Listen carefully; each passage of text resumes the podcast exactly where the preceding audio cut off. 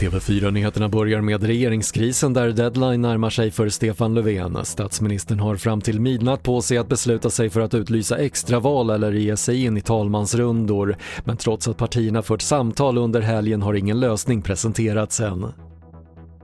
Skånepolisen har satt in drönare i jakten på stenkastare under midsommarhelgen efter att danska bilister attackerats med sten. Särskilt utsatta e är E65 mellan Malmö och Ystad och fram till i torsdags hade 60 anmälningar om stenkastning kommit in.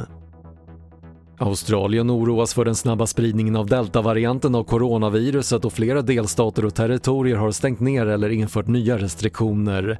I Sydney får miljontals inte lämna sina hem med undantag för att handla eller motionera och köerna till testlokalerna har ringlat långa.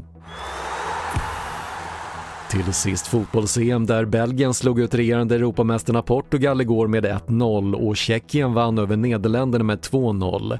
I kvartsfinalerna ställs nu Belgien mot Italien och för Tjeckien väntar Danmark. Det var det senaste från TV4 Nyheterna. Jag heter Patrik Lindström.